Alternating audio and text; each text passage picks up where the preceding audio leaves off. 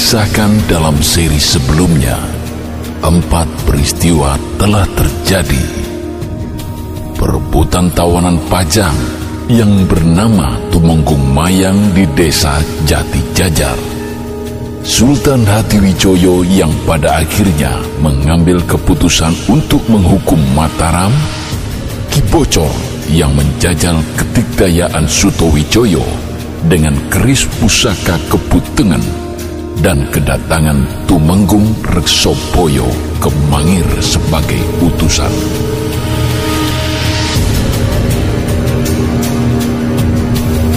Dengan rasa penasaran yang menggunung di dadanya, Reksoboyo dan tiga prajurit pengawalnya memilih menunda kepulangan ke Mataram. Mereka berganti pakaian sebagai rakyat biasa dan menyamar untuk mengetahui siapa sesungguhnya Ki Ageng Mangir Wonopoyo, orang yang begitu dihormati dan berwibawa meski masih berusia muda.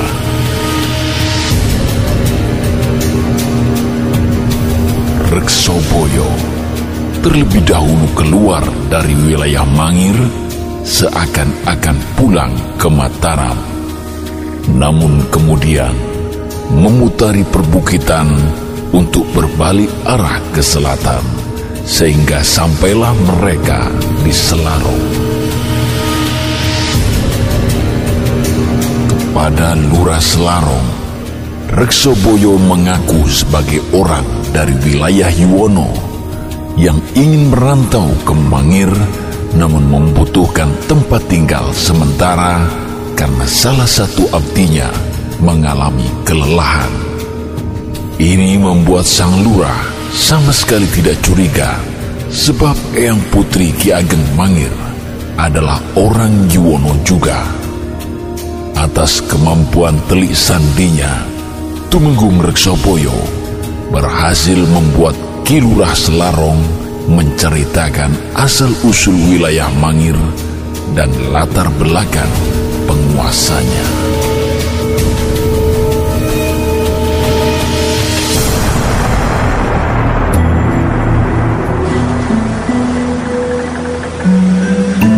Saat ini, Mangir dipimpin oleh Ki Ageng Mangir ketiga. Menurut kisah dari orang tua saya, dahulu di akhir kekuasaan Majapahit, 117 keturunan Prabu Tiah Ronowijoyo yang lebih kita kenal sebagai Prabu Brawijaya telah banyak yang tinggal di berbagai daerah. Salah satunya bernama Lembu Amisani. Dia menolak tawaran untuk menjadi adipati di wilayah mana pun kecuali menjadi orang biasa dan tidak bersentuhan dengan kekuasaan yang menurutnya penuh intrik. Dia lebih tertarik dengan dunia spiritual dan menemukan suatu wilayah yang pas bagi tempat tinggalnya. Jadi Ki Ageng Mangir ketiga menikah tak si keturunan Mojopahit. Mengatakan Ki Elura. Inje, leres di sana. Begitulah yang saya dengar dari orang tua saya. Namun bukan Mangir yang menjadi cucukan Raden Lembu Amisani kala itu. Hmm, bukan Mangir? Lalu di mana? Ke Gunung Kidul. Meski Gunung Kidul sebenarnya masih wilayah Majapahit, namun wilayah itu sudah tidak terperhatikan Majapahit sekian lama. Bahkan sejak ontran-ontran Priwira Bumi dan Wikramawardana antara Keraton Wetan dan Keraton Kulon. Oh, cukup dimaklumi Kilura. Perang itu memakan waktu dua tahun dan membuat Mojopahit sibuk mengurusi wilayah utamanya. Pengetahuan panjenengan lumayan juga di sana. Mboten ah. Saya cuma senang dengar cerita ini pun Simbah Kakung sebelum tidur dulu. Hmm, jadi Raden Lembu Amisani meniko kemudian mengembangkan Gunung Kidul. Engkatan? Oh, oh tidak tidak juga. Beliau tidak mau menjadi penguasa sekecil apa pun di sana. Setelah membabat alas dan memberi nama wilayah itu sebagai Wonoboyo untuk mengingatkan betapa berbahayanya hutan itu sebelum ditinggali. Sang Raden justru tetap memilih menjadi orang biasa dan bahkan menutupi keberadaannya sebagai keturunan Majapahit. Ya, namun tetap saja, Dinding selalu punya telinga. Kisahnya sebagai keturunan Mojopahit justru dibocorkan oleh para pengikutnya yang dibawa dari Majapahit. termasuk saat Raden Lembu Amisani pada akhirnya memiliki putra. Uh, tidak diketahui nama asli putra Lembu Amisani itu siapa. Namun dia pada akhirnya lebih dikenal sebagai Kiwonoboyo. Namanya sesuai wilayah desa yang dibabat orang tuanya saat itu. Uh, Raden Lembu Amisani berusaha untuk tetap menutupi kisah masa lalunya sebagai keturunan Majapahit pada Kiwonoboyo. Namun tetap saja pada akhirnya Kiwonoboyo tahu. Inggih Kilura, siapa pun juga pasti ingin tahu seperti apa leluhurnya dulu Kilura. Saya pikir Kiwonoboyo juga demikian. Ya benar Kisana, betul. Memang demikianlah seharusnya Kisana. Kita tidak boleh terputus dengan para leluhur seperti apa pun mereka. Menghapus jejak leluhur itu seperti menghapus darah yang telah mengalir di tubuh kita.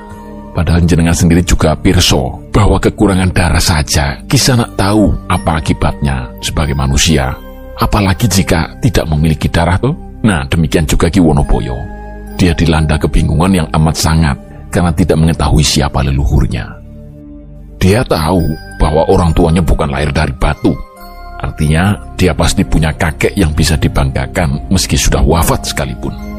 Karena kasihan, seorang pengikut ayahnya kemudian membocorkan segalanya. Namun Kiwonoboyo justru kecewa karena cerita itu justru didengarkan dari orang lain, bukan dari orang tuanya sendiri. Sehingga Kiwonoboyo kemudian mengobati kekecewaannya dengan pergi, menyepi ke Gua Langse. Dalam penyepiannya itu, Kiwonoboyo mendapatkan semacam wisik untuk pergi ke arah Ngalor Ngulon, mencari sebuah tempat bernama Mangir. Hmm, jadi Ki Wonoboyo ini adalah kakek dari Ki Ageng Mangir yang saya temui itu. Nggih, penegasan panjenengan laras ke sana. Ki Wonoboyo kemudian dikenal sebagai Ki Ageng Mangir pertama. Dia berhasil menemukan wilayah Mangir, meski untuk mencarinya, dia betul-betul menyandarkan segalanya lewat semeti. Pertama, dia sampai di Parang Endok. Dia bertapa di sana selama satu hari. Kemudian di Sungai Opak dia berhenti dan bertapa lagi selama tujuh hari untuk memastikan bahwa arah langkahnya benar. Hingga akhirnya bertapa selama 40 hari di muara sungai Proko, lalu menyusuri sungai itu ke arah utara. Dalam perjalanan itulah dia bertemu sebuah hutan lebat. Meski demikian hewan-hewan yang ada di sana jinak dan tidak berbahaya. Dia kemudian melakukan semeti lagi di tempat itu. Dan akhirnya dia tahu bahwa memang itulah Mangir, wilayah yang disebutkan dalam wisik Kulangse. Setelah itu Ki Wonoboyo kemudian memutuskan untuk melakukan babat alas dan membuka jalur darat agar terhubung dengan wilayah luar. Dia juga membangun penyeberangan di Sungai Progo yang menghubungkan wilayah barat dan timur. Hingga akhirnya Mangir tumbuh pesat menjadi daerah subur dan banyak disinggahi pedagang. Sejak saat itu pula, Ki Wonoboyo menyandang gelar Ki Ageng Mangir pertama. Beliau menikah dengan Putri Temang Yuwono dan melahirkan putra pewaris Mangir yang kemudian dikenal sebagai Ki Ageng Mangir II. Namun Ki Ageng Mangir II ini sesungguhnya juga punya saudara tiri karena ayahnya juga pernah mencintai seorang putri dari wilayah Jalekong. Uh, saudara tirinya ini sangat dikjaya. Bahkan uh, ayahnya sendiri terkejut dengan kemampuan supranaturalnya. Namun, hmm, uh, namun Lurah Selarong menghela nafas panjangnya. Seperti ada yang bergolak secara tiba-tiba dalam hatinya saat menceritakan saudara tiri Ki Ageng Mangir kedua. Dia kemudian memutuskan untuk mengakhiri pembicaraan malam itu. Reksopoyo terpaksa membunuh rasa penasarannya dia mempersilahkan Kilurah untuk segera beristirahat. Tinggallah kini Reksopoyo terheran-heran sendirian, tidak mengerti mengapa Kilurah Selarong mendadak berekspresi aneh dan tak mampu meneruskan pembicaraannya. Namun Reksopoyo sadar dia tidak boleh gegabah dan harus bersabar Bagaimanapun dia sedang menyamar. Dia saat ini bukanlah seorang tumenggung yang bisa melakukan banyak hal ala perwira militer seperti biasanya. Dia kemudian memilih untuk menyusul tidur bersama tiga prajurit pengawalnya di ruangan lain di rumah Kilura Selaro. Dalam kegelapan malam, Reksoboyo tidak sadar. Sesosok bayangan hitam sesungguhnya sejak awal mengamati pembicaraan keduanya. Saat Reksoboyo mulai merebahkan diri, sosok itu lenyap dalam hembusan kabut malam.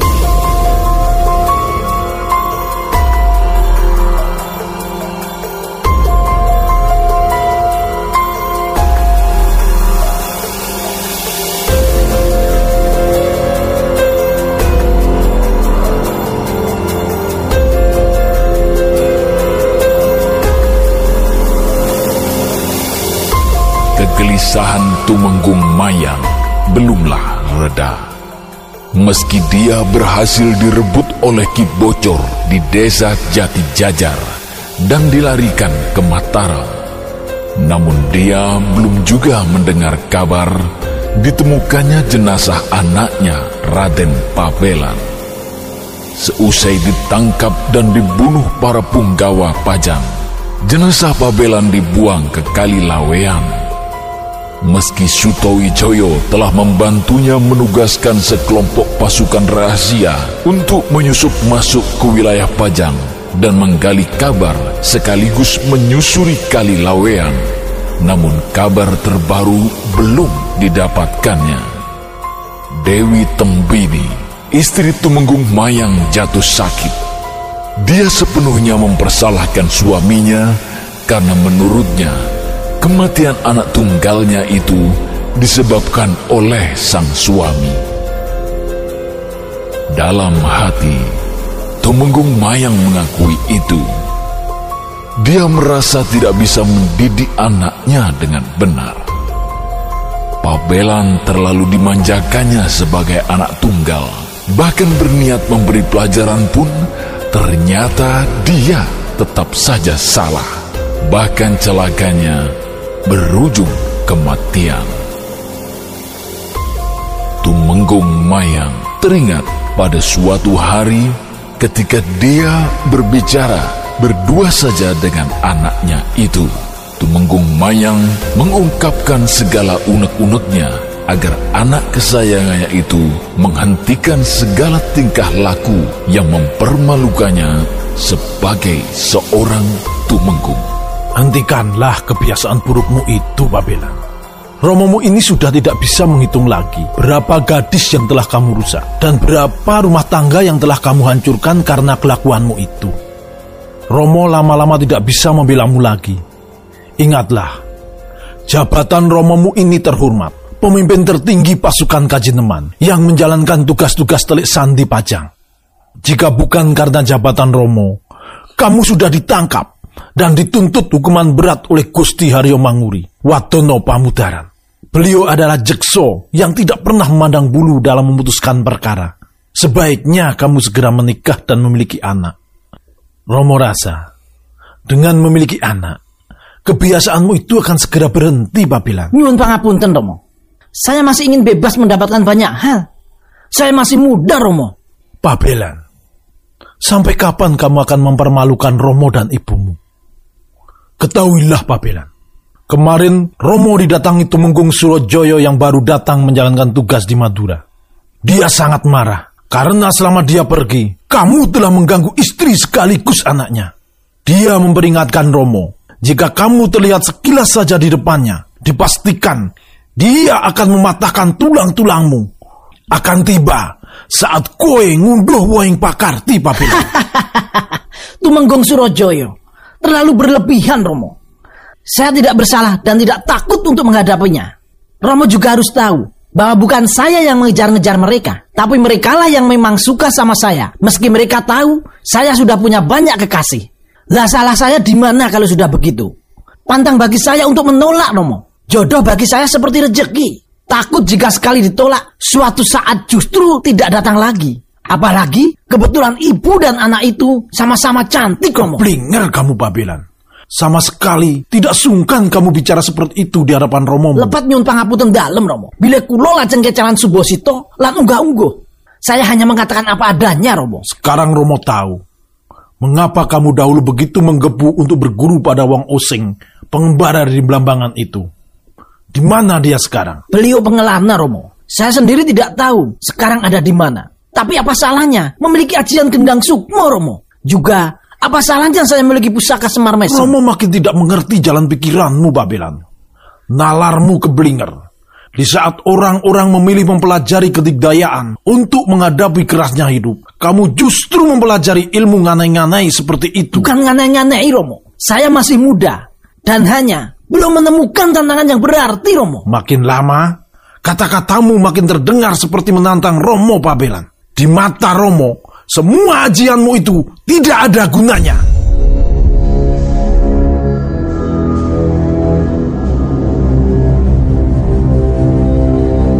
Nyun pangapunten dong. Ajian-ajian yang saya miliki tidak bisa dengan mudah dimiliki. Seperti membeli jajan pasar di pasar Kuto Projo. Mohon jangan meremehkan apa yang saya miliki dengan berbicara seperti itu, Romo. Kalau begitu, Tunjukkan sampai mana kegunaan ajian yang kau miliki itu. Loncati pagar keputren Pajang. Gendam Sukmane Gusti Sekar Kedaton, putri kesayangan Kanjeng Sultan Hadiwijoyo. Jadikan dia istrimu. Jika gagal, kamu hanya boleh pulang saat sudah jadi batang. Sendiko dawuh, Romo.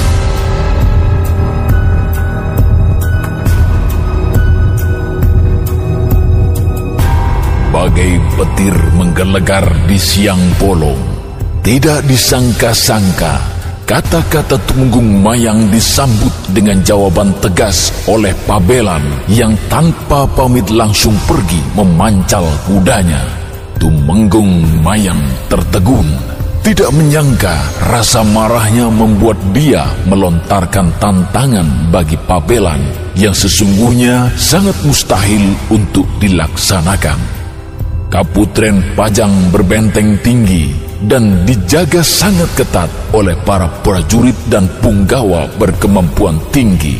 Bahkan dirinya sejak mengabdi di Pajang sama sekali belum pernah tahu seperti apa isi Kaputren itu karena begitu ketat pengamanannya.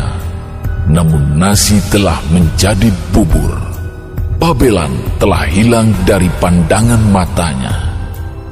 Mayang hanya berharap Pabelan pergi sekedar marah padanya dan tidak benar-benar memenuhi tantangannya itu. Sebab jika Pabelan nekat, maka selesailah sudah semuanya. Seminggu telah lewat, tak ada kabar apa pun dari Pabelan. Namun justru hal itu membuat Tumenggung Mayang sangat lega Sebab itu artinya Pabelan tidak benar-benar memenuhi tantangannya. Dia mungkin sedang sibuk menggoda perempuan lainnya. Namun kedatangan mendadak Tumenggung Wirokerti dan satu grup berkoto nyutro, pasukan khusus pengawal Sultan Pajang, mendadak membuat hatinya berdegup kencang. Dini hari itu, Tumenggung Mayang diminta menghadap Sultan saat itu juga untuk membicarakan tugas negara. Bahkan sekedar berganti pakaian dan menyandang keris pusaka leluhurnya pun tidak diizinkan. Dewi Tembini sadar bahwa sesuatu yang buruk akan terjadi melihat suaminya tidak lagi dihormati dan pergi bersama kawalan ketat berkoto nyutro. Dewi Tembini merasa suaminya diculik dan dia hanya bisa menangis segugukan. Tumenggung Wirokerti ternyata tidak membawa Tumenggung Mayang ke Bale Manguntur, namun ke markasnya sendiri, pusat pasukan Kajineman. Meski sempat bertanya-tanya dalam hati mengapa dirinya dibawa ke sana oleh Wirokerti, namun rupanya Sultan sendiri yang berkenan menemuinya di sana. Sesuatu yang menurutnya sangat janggal. Tumenggung Mayang, di sini tempatmu bekerja bukan? Benar Kanjeng Sultan. Di sini saya menjalankan tugas-tugas sekaligus menjaga, merawat panji-panji dan pusaka pasukan Kajineman. Jika panji dan pusaka Kajineman ada yang mencuri, apa yang akan kamu lakukan, Mayang? Saya akan merebutnya kembali dan siap menerima hukuman karena tidak bisa menjaganya dengan baik Kanjeng Sultan. Pusaka-pusaka yang ditempatkan di Kajineman ini milik Pajang. Milikku juga sebagai penguasa Pajang. Mencuri pusaka-pusaka itu adalah bertindak lancang seperti menginjak-injak kepalaku. Mayang, pusakaku saat ini ada yang hilang dan tutus saja sebagai abdi kepercayaan. Kamu akan ikut marah dan berada di pihakku. Bukan begitu, Mayang? Benar sekali Kanjeng Sultan. Saya pasti akan berada di pihak Kanjeng Sultan. Namun setahu saya, tidak ada panji atau pusaka Kajineman yang hilang saat ini. Hah, bukan pusaka di Kajineman ini yang hilang, Mayang. Tapi pusakaku yang ada di Kaputren. Mendengar Kaputren disebut-sebut, berdesir hati Tumenggung Mayang. Dia langsung menduga bahwa pemanggilan ini pasti bersangkut paut dengan pabelan anaknya. Dan benar saja, memang itulah yang dikatakan Sultan Hatiwijoyo. Anakmu Pabelan masuk ke kamar Sekar Kedaton, menjerat putri kesayanganku seminggu notok hingga tidak pernah keluar dari kamarnya. Kamu pasti sudah tahu apa yang dilakukan mereka berdua di dalam kamar Sekar Kedaton. Tumenggung Mayang mendadak lemas, kepalanya pusing. Dia tertunduk dan nyaris bersujud di bawah kaki Sultan Hatiwijoyo.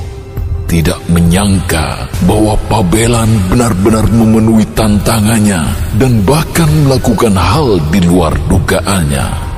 Pabelan bukan hanya berhasil masuk ke kamar Sekar Kedaton, namun menenggelamkannya dalam ajian kendam sukmo hingga keduanya berada dalam asmara terlarang selama tujuh hari di dalam kamar putri kesayangan Sultan Hadiwijoyo itu.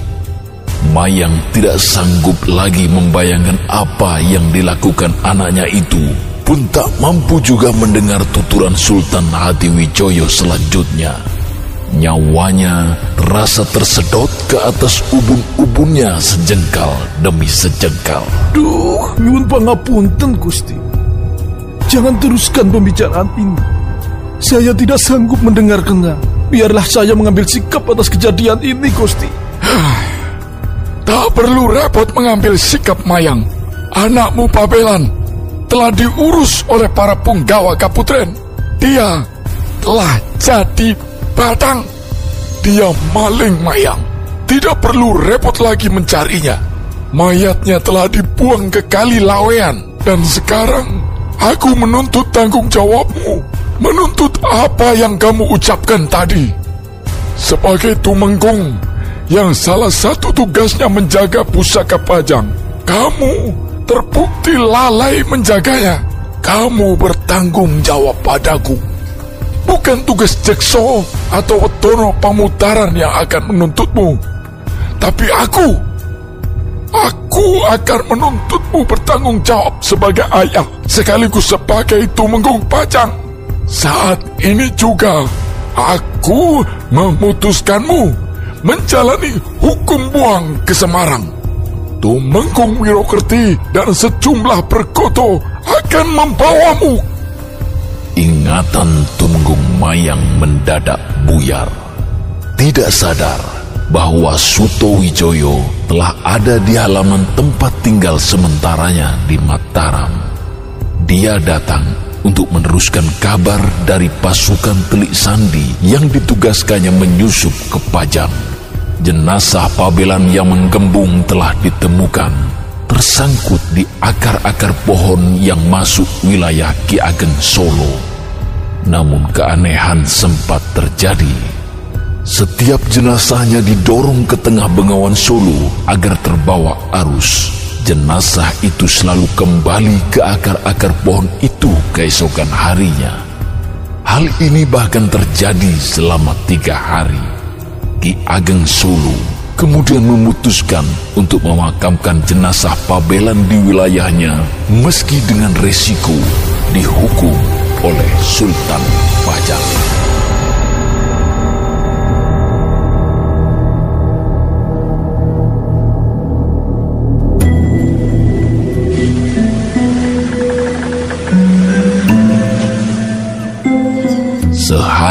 Setelah Tumenggung Reksoboyo pergi dari Mangiran, Ki Ageng Mangir mengumpulkan orang-orang terdekatnya. Tidak lain dan tidak bukan untuk membicarakan maksud kedatangan Reksoboyo dari Mataram.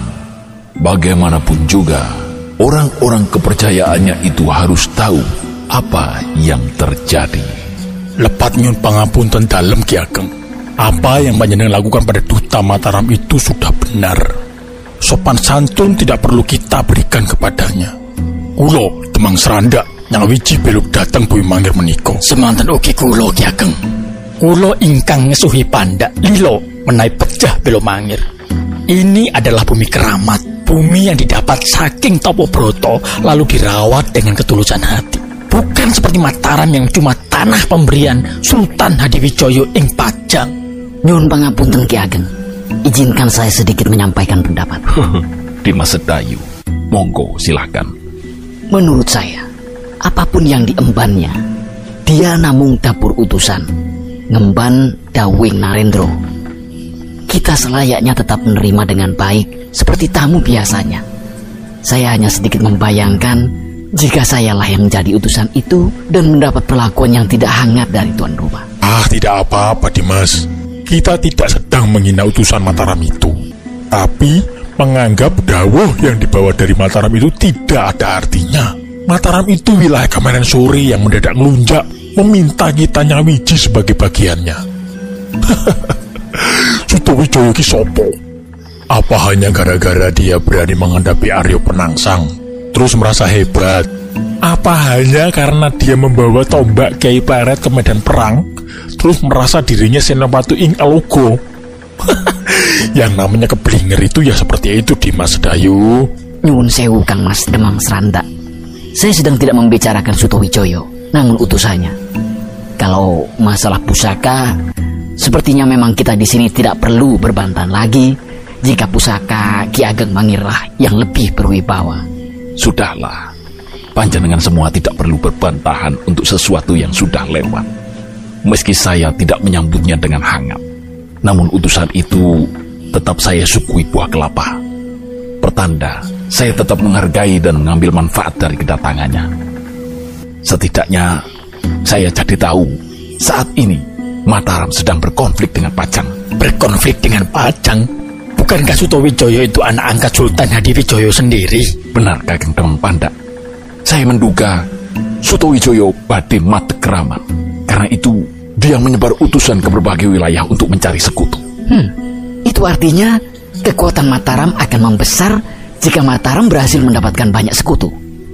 Uh, nyuhun pangapunten Ki Ageng. Jika itu benar-benar terjadi dan kita menolak bersekutu dengan Mataram, bukankah ada kemungkinan Mataram akan menggerobyok kita? Benar Dimas Sedayu. Karena itu, panjenengan semua saya ajak pirembagan saat ini. Kita harus bersiap menghadapi kemungkinan itu. Apalagi kita termasuk cukup dekat dengan Mataram. Jika saja tiba, para kawulo seranda tidak gentar ya, Geng. Saya percaya panjenengan Demang Seranda. Tapi menurut dugaan saya, Mataram akan berpikir dua kali jika menyerang kita dalam waktu dekat ini. Kekuatan mereka akan terbelah menghadapi Pajang sekaligus menghadapi kita. Sutowijoyo tidak akan sebodoh itu. Hmm, kalau memang demikian pendapat Ki Ageng, berarti masih ada waktu bagi kita untuk mempersiapkan diri toh? Iya, leres. Benar Dimas Sedayu. Saya juga berpikir demikian. Kita harus melipat gandakan kekuatan tempur. Namun bukan berarti kita harus mengangkat prajurit sebanyak-banyaknya loh. Loh, bagaimana itu maksudnya Ki Ageng? Bukankah yang maju ke medan perang adalah para prajurit? Itu memang betul.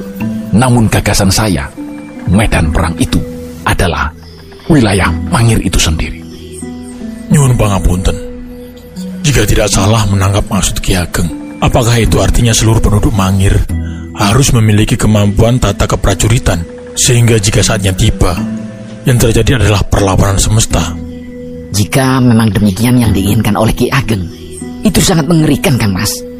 Begitu memasuki wilayah Mangir, musuh akan seperti berjalan berjengkatan di atas bara api.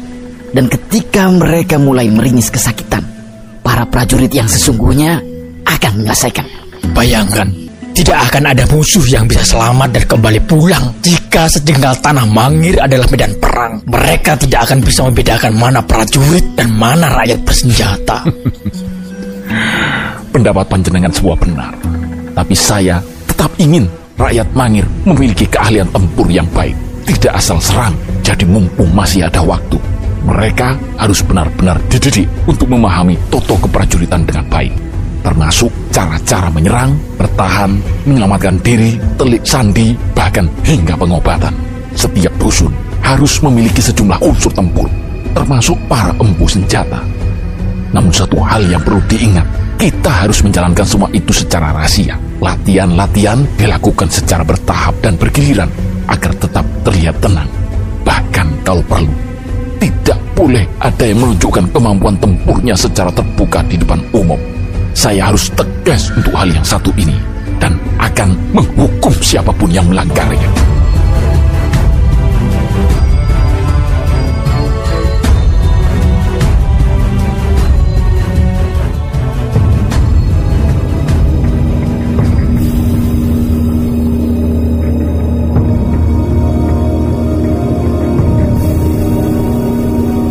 Hari itu adalah hari Anggoro Kasih atau Seloso Kliwon. Hari di mana Ki Ageng Mangir biasa berbicara dengan semesta. Saat malam tiba, Ki Ageng Mangir membawa tombaknya yang terbungkus kain putih berkuda menyusuri pinggiran Kali Progo hingga sampai tempuran. Saat kuda ditambatkan dan Ki Ageng Mangir berjalan kaki mendekati tujuan, tombak yang dibawanya terasa bergetar kencang, seiring mendadak senyapnya suasana sekitar.